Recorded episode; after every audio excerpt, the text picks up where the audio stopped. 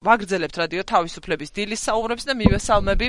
ჩვენი გადაცემის თუ შეიძლება ცოტა აქეთ რომ მოიწიოთ მივესალმები ჩვენი გადაცემის სტუმარს ნანა ზავრადაშვილი ფონდ გლობალური ინიციატივა ფსიქიატრიაში თბილისის ექსპერტი გახლავთ ის ფსიქიატრი დილამ შვიდობის ქალბატონო ნანა. დილამ შვიდობის დიდი მადლობა მობრძანებისთვის დღეს ჩვენ ვილაპარაკებთ მსმენელს უკვე ვუთხარი მაგრამ კიდევ გავიმეორებ შეუდგებით საუბარს. საქართველოსში ფსიქიკური ჯანმრთელობის სტაციონარულ დაწესებულებებში არსებულ მდგომარეობაზე რომელსაც კარგა ხანგრძლივად სწავლობდით თქვენ და თქვენი კოლეგები დარწმუნებული ვარ ეს რამდენად შრომატევადი საქმიანობა იქნებოდა. და პირველი რასაც კითხავთ ერთი უნდა ვთქვათ რომ ეს იყო ფსიქიკური ჯანმრთელობა და ადამიანის უფლებები ასეთი პროექტის ფარგლებში განხორციელებული კვლევა ევროკავშირის დაფინანსებით ღია საზოგადოების ფონდის მხარდაჭერით და ჯანდაცვის სამინისტროს დაკვეთით რაღაც ბევრი მხარე მონაწილეობდა ამაში თქვენს გარდა ანუ პროფესიონალების გარდა რა იყო საკვლევი, რა იყო მიზანი ამ კვლევის ჩვენ ეპიზოდური, თქვათ, ინფორმაციაც გქონია, სხვა კვლევებიც და ანგარიშებიც გაგვეცნია ჩვენი აუდიტორიისთვის. რა იყო ახლა ეს სპეციფიკურად საკვლევი? ამას ხომ გარკვეული მიზანიც უნდა ჰქონდეს, რომ ალბათ რაღაცები შეიცვალოს. აა, დიახ, დიდი მადლობა მოწვევისათვის. მინდა შევუერთდე თქვენს ბოლო განცხადებას. 7 დეკემბერს შედგა ფსიქიატრთა საზოგადოების ყრილობა და მთლიანად ჩვენი თემი ფსიქიატრული საზოგადოება მხარს უჭერს ვაჟა გაფრინაშვილის გათავისუფლებას და იმედი გვაქვს, რომ ჩვენ და ანუ ერთობლივი ძალისხმევა შედეგს გამოიღებს. რაც შეეხება თქვენ კითხვას, უფრო შორიდან უპასუხებდი. აა რატომ არის რომ ეშინიათ ფსიქიატრთან მისვლის? რატომ არის რომ პაციენტს ეშინია რომ ფსიქიატრულ სტაციონარში გამოკეტავენ და ასე ვთქვა წამლები დატვირთავენ? რატომ არის რომ უფლება დამცველები მუდმივად აკრიტიკებენ ფსიქიატრულ დაწესებულებებს რომ მასში ხშირად არაადამიანური პირობები და არასათანადო მოპყრობაა? ყველაფერი ეს უარყოფითად მოქმედებს დარგზე, დარგის განვითარებას განვითარებაზე, დარგის პერსპექტივაზე და დარგის იმიჯზე.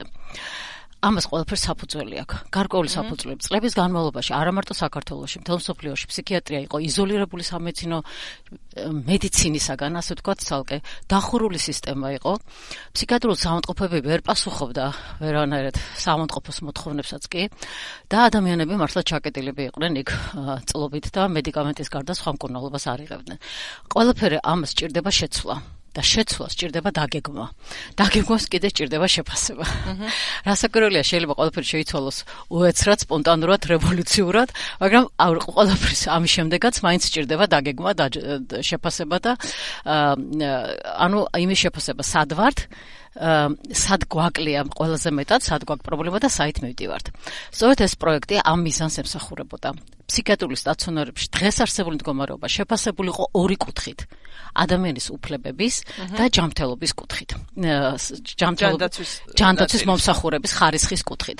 ინსტრუმენტსაც ასე ქვია, ადამიანის უფლებები და ხარისხი. იმიტომ რომ ფსიქიატრიაში ადამიანის უფლებები და ხარისხი განსაკუთრებით გადაჯაჭვულია ერთმანეთთან, იმიტომ რომ მართლაც ადამიანი შეიძლება ჩაკეტილი იყოს მისი ნების გარეშე, მკურნალობდეს და ასე შემდეგ. და მას შეიძლება არ ქონდეს უნარი თან თვითონ გააცნობიეროს და ამ შემთხვევაში სასამართლო გადაწყვეტილებით შეიძლება მოხდეს. ან ხო ან ზოგადად იმის გამო რომ ამაზე გავჩერდები მოგვენებთ იმის გამო რომ წასასვლელი არსად არა განსახლი არ არის შესაბამისად შეიძლება წლობით იყოს ან უარს ამბობენ მის ვიღებაზე წლობით იყოს ავანტყოფოში იმიტომ რომ რამათით ვერ უზრუნველყოფენ იმ ეს პროექტი მართლაც ძალიან დიდი მადლობა ჯანდაცვის სამინისტროს რომ მხარი დაგვიჭირა ამ პროექტის განხორციელებაში გლობალურ ინიციატივას ფსიქიატრიაში და დაფინანსებული იყო ევროკავშირის და ღია ფონდის საზოგადოების ღია საზოგადოების ფონდის მიერ. ესე იგი 11 საავადმყოფო ში შევედით. ჯგუფები, ანუ გუნდები, სპეციალური გუნდები, მულტიდისციპლინური გუნდები 11 საავადმყოფო შევიდა და ძალიან დიდი მოცულობითი კითხვარით სხვადასხვა თემის მიხედვით ამოწმებდნენ აფასებდნენ მდგომარეობას ამ საავადმყოფოებში. კითხვა ჩემი არის ის 11 რანაირად შეირჩა ამდენია მხოლოდ ყველა ყველა თითქმის ყველა ერთის გარდა რომელიც ახალი გახსნილი იყო თერჯოლაში და იმიტომ მის შეფასებას ჯერ აზრი არ ქონდა. ხო. ანუ ყველა ფსიქიატრული საავადმყოფო ვინც მოზრდილებს ემსახურება ყველა ფსიქიატრული საავადმყოფო შეფასდა აი ამ ორი ძირითადი კრიტერიუმით ადამიანის უფლებები და რეალურად დაიდო სურათი სად გვიჭირს ყველაზე მეტად სად არის პრობლემები და სად უნდა საითკენ უნდა წავიდე გამოვიდეს მომავალ წლებში ფსიქიატრული მომსახურების აქცენტები. მე მომისმენია სხვაგანაც ამ ეთერშიც იმ ტიპის მსჯელობა როცა ლაპარაკია რომ ასეთი ინსტიტუციურად ვამბობ სხვა საკითხია რა მდგომარეობა და რა პირობებია იქ. თქვათ რაღაცა ტიპის დაწესებულებები ფსიქიკური ჯანმრთელობის დაცვის სფეროში აღარ უნდა იყოს, სხვაგვარად უნდა მოხდეს ეს. ინსტიტუციურად. ეს კიდევ ცალკე თემაა ხომ? ჩვენ ვაპარაკობთ ახლა რეალობაზე. დიახ ფსიქიატრიული სტაციონარი არის დღესდღეობით ერთ-ერთი კომპონენტი ფსიქიატრული მომსახურების. ნიშნულოვანი კომპონენტი ძალიან სადაც ძალიან ნიშნულოვანია რომ მაღალი ხარისხის და ადეკვატური მკურნალობა მივაწოდოთ და შემდეგ ეს ფაქტურად განაპირობებს ძალიან მნიშვნელოვანად ადამიანის შემდგომ გამოჯანმრთელების პროცესს გაჯანსაღების პროცესს. თუმცა და ჩვენ გვაქვს ბალანსირებული ზრუნვა.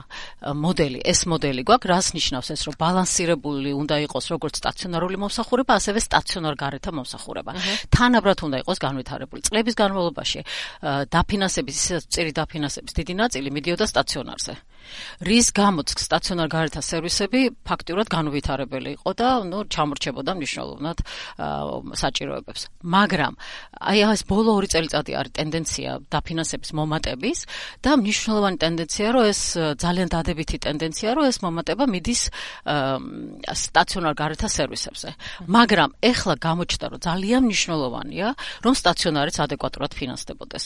ის რაც გვაქვს საწოლები, შევინარჩუნოთ ეს საწოლები, მაგრამ შევ შევინაჭროთ ხარისხიანად საწოლები და გავათავისუფლოთ საავადმყოფო იმ პაციენტებისაგან, რომლებიც წლობი წვანან, აგერ წოდებული ქრონიკული პაციენტები, რომლებსაც სტაციონარი როგორც ასეთი არ ესაჭიროებათ, მაგრამ წვანან იმიტომ, რადგან სხვა მომსახურება და სხვა სერვისი არ არსებობს. აი ეს სერვისები განვავითაროთ, რომ ეს ადამიანები გამოვიყვანოთ იქიდან, თუნდაც საცხოვრისი, თუნდაც დასაქმების, თუნდაც ოჯახთან, ოჯახში მხარდაჭერის პროგრამები. აი ეს ხალხი უნდა გამოვიყვანოთ და სტაციონარი თუ მოემსახურება მხოლოდ წავე პაციენტებს.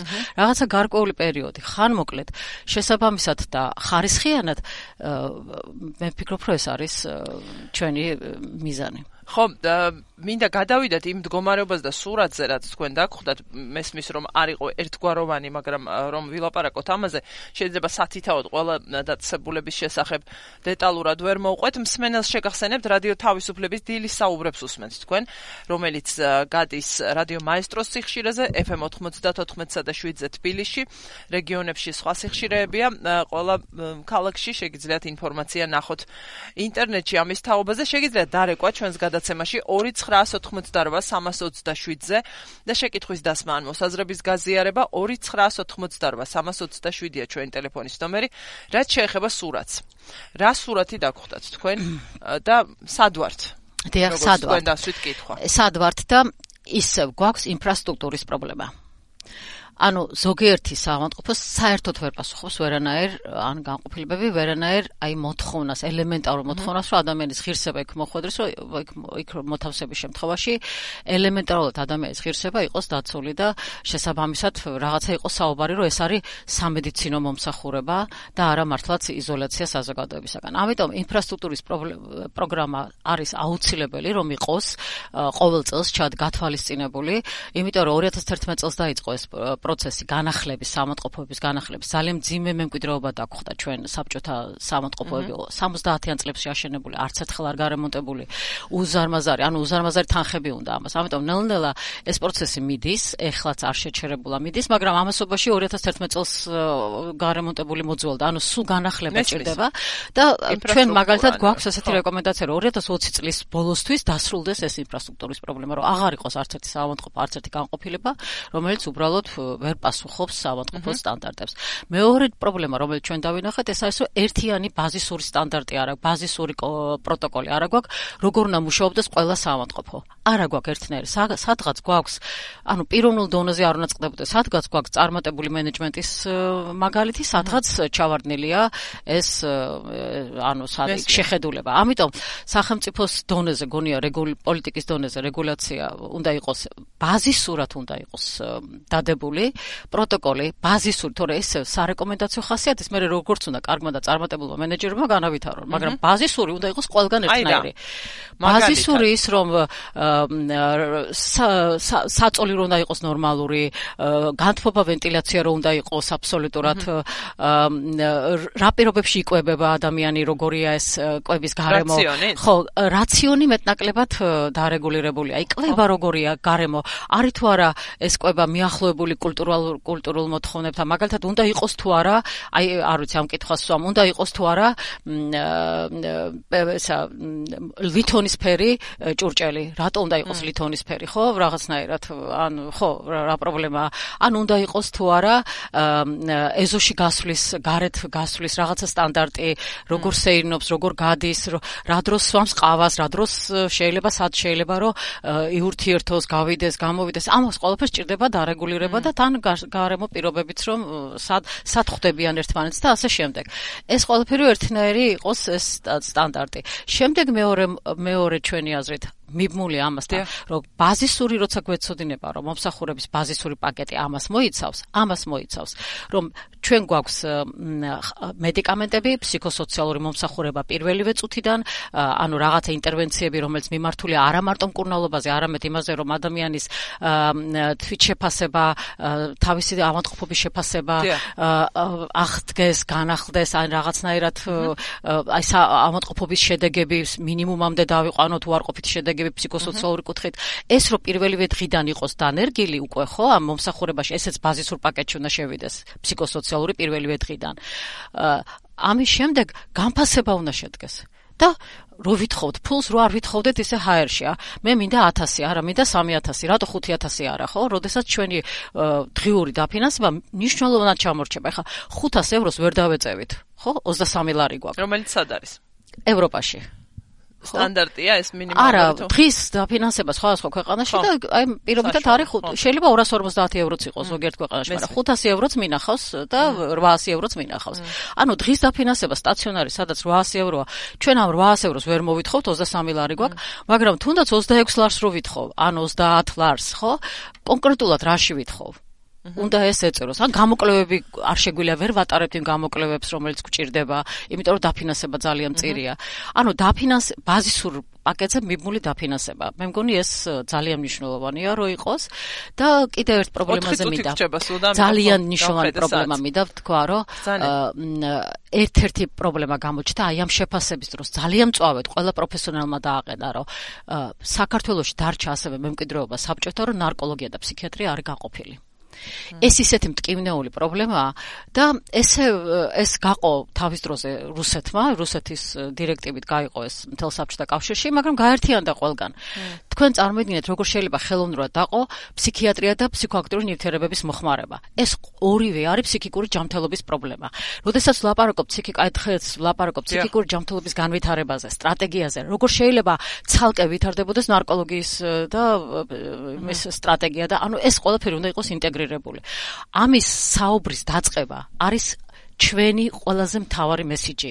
იმიტომ რომ დღეს ადამიანები დარბიან ერთი სამოწყო და მეორეში, არა ჩვენი არა ხარ, არა იმათ ეკუთვნი, არა იმათ არ ეკუთვნი, საბოლოო ჯამში ადამიანი შეიძლება დახმარების garaში აღმოჩნდეს, რაღაცა მოხდეს მერე ესეთი ტრაგედია და მერე ადამიანებს ფსიქიატრებს მოუწიოთ პროკურატურაში სირბილი, რატო არ მიიღე ეს ადამიანი და რატო არ დააწვინეს სამოწყოში, ხო?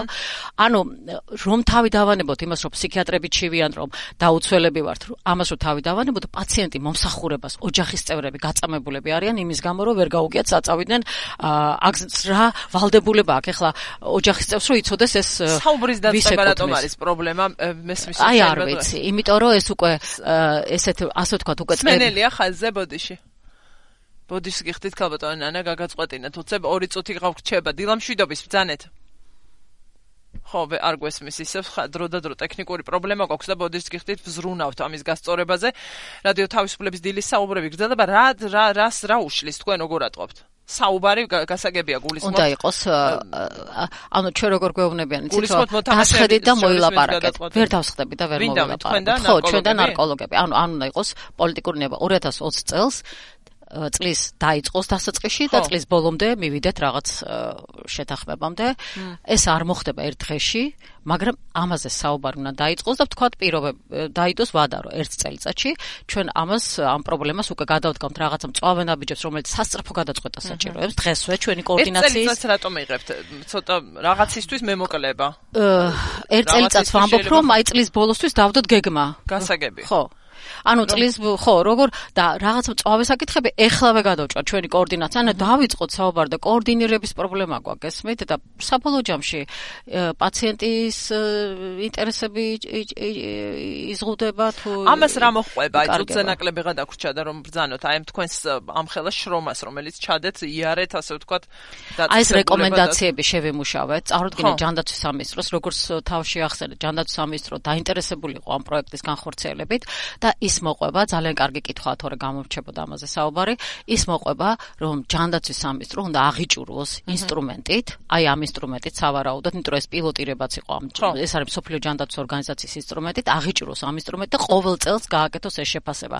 რა ნაბიჯები გადაიდგა, როგორ გაუმჯობესდა და აი ამის და მიხედვით კონდეს რეგულარული მონიტორინგი, პულსზე გვეჭიროს ხელი ჩვენი პროგრამა. თქვენ იქნებით ამის ასე ვთქვათ, ამის მაკონტროლებელი, ვერა, ვერა, ეს უნდა შეიქმნას ყველა ყველაფერი, ანუ ესეც არის ტყვით რომ აი ეს არის და არ გაკეთდა. არა, რასაკვირველია ჩვენ ვაგას ვიტყვით, რასაკვირველია. შევხედავთ. შევხედავთ. ძალიან დიდი მადლობა. ნანა ზავრადაშვილი, ფონდ გლობალური ინიციატივა ფსიქიატრიაში თბილისის ექსპერტი, ფსიქიატრი გახდა ჩვენი სტუმარი. ძალიან დიდი მადლობა, ქალბატონ ნანა. და გეტყვით, რომ მომზადდა ანგარიში სპეციალისტების მიერ ქალბატონი ნანა მონაწილეობდა ამ პროექტში, რომლითაც შემოწმდა შესწავლილი იყო ფსიქიკური ჯანმრთელობის სტაციონარულ დაწესებულებებში არსებული მდგომარეობა მთელ საქართველოში. დიდი მადლობა ჩვენ სტუმარს, მის კოლეგებს ამ საქმიანობისთვის, ამ სამუშაოს გაწევისთვის. მე გეტყვით, რომ რადიო თავისუფლების დილის საუბრებს უსმენთ თქვენ, რომელიც 9 დეკემბრიდან გადის რადიო მაესტროს ეთერში თბილისში 94-სა და 7-ზე, რეგიონებში სხვადასხვა სიხშირეზე ინფორმაციის ნახვა შეგიძლიათ როგორც რადიო მაესტროს, ასევე რადიო თავისუფლების საიტებზე ფონზე და ჩვენი გადაცემის თვალყურის დევნება პირდაპირ სიგნალისა, ვიდეო სიგნალი შეგიძლიათ რადიო თავისუფლების დილის საუბრების და რადიო მაესტროს Facebook-ის გვერდებზე. ძალიან დიდი მადლობა რომ გვისმენდით. ლაპარაკობს რადიო თავისუფლება გემშვიდობებით. ხვალამდე.